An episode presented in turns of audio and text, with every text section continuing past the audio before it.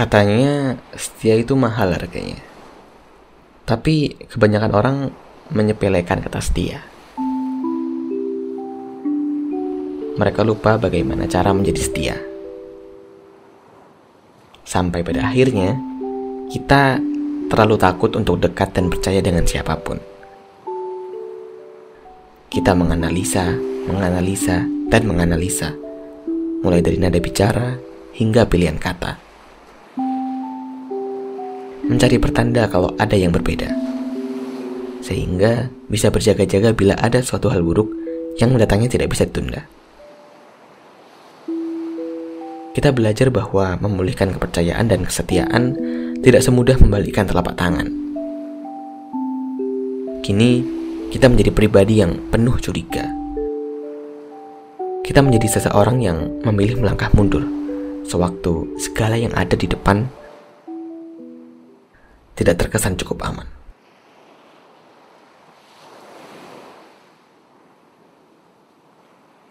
Dengar kata setia, menurutku bagi sebagian orang itu bukan hal yang mudah sih. Apalagi kalau di hadapan kita atau di hadapan mereka ada banyak pilihan yang menggoda iman. Ngomong-ngomong, setia itu nggak cuma tentang pasangan hidup atau pacar gitu ya. Bisa jadi hubungan pertemanan juga. Ya, itu salah satu contoh yang gampang sih. Nah, pernah nggak sih kalian tuh udah sayang gitu? Atau percaya sama seseorang kalian berusaha setia sebagai teman atau sebagai pacar atau sebagai pasangan hidup itulah ya. Tapi orang itu malah nggak membalas kesetiaan kalian dengan semestinya. Atau nggak sesuai dengan yang kalian harapkan. Pernah nggak? Atau malah kalian jadi orang yang menyanyiakan kesetiaan orang lain.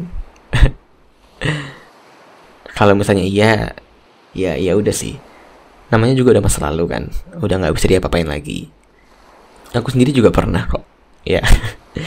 namanya manusia lah ada sisi bajingannya yang penting gimana ke depannya aja sih kalau udah tahu itu salah dan gak bener ya jangan sampai diulangin lagi jangan sampai melakukan hal yang sama lah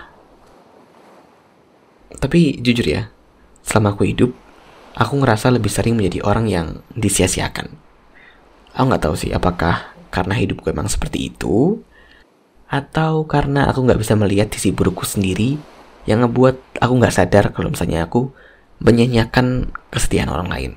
Nah, aku nggak tahu. Tapi yang jelas uh, itulah yang aku rasakan. Aku ngerasa aku adalah orang yang lebih sering disia-siakan. Dan kalau kita disia-siakan, ditinggalkan atau kesetiaan kita itu nggak terbalaskan, itu kadang ngerasa banget nggak enaknya. Apalagi kalau yang menyanyiakan adalah orang yang menjadi prioritas kita orang yang paling kita suka. Orang yang dulunya selalu ada buat kita. Karena orang-orang seperti ini tuh udah ibarat rumah. Rumah yang pernah menjadi tempat untuk kita kembali. Menjadi tempat yang nyaman untuk kita mengisi hari. Dan menjadi tempat yang aman untuk mencurahkan emosi dan isi hati. Jadi kalau hilang gimana? Kita serasa digusur dari rumah kita sendiri. Dan akhirnya kita jadi sendiri dan was-was kalau ada yang mendekati. Aku bisa ngerti sih kenapa kita bisa jadi seperti itu. Ya karena kesetiaan tuh susah dicari dan didapatkan. Dan kepercayaan sangat mudah untuk dihancurkan. Ada satu kutipan dari salah satu musisi Indonesia yang bisa ngebantu aku untuk menjadi lebih baik setelah merasa disisiakan atau merasa sedih. Yaitu, bahagia ada di situ tinggal pilihanmu.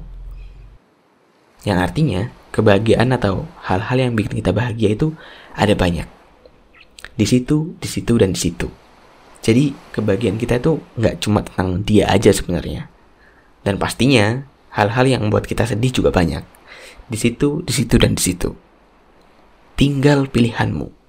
Ya, karena itu semua kembali ke kita mau mikirin yang mana. Aku ada pesan buat kalian yang mendengarkan. Kalau kalian orang yang menyanyiakan, kalian perlu tahu bahwa kesetiaan itu bukan sesuatu yang bisa dinilai dengan angka. Dia cuma bisa dinilai dengan iya atau tidak. Maka tetaplah ada kalau memang kamu setia. Dan menjauhlah kalau kesetiaanmu yang gak ada. Dan kalau kalian orang-orang yang disia-siakan, sakitlah kalau emang ngerasa sakit teman-teman. Asal kalian jangan khawatir. Segalanya berjalan sesuai jadwal. Tak pernah terlambat dan tak pernah salah alamat. Aku ingetin lagi kutipan yang buat aku menjadi lebih baik saat aku merasa sedih. Bahagia ada di situ. Tinggal pilihanmu.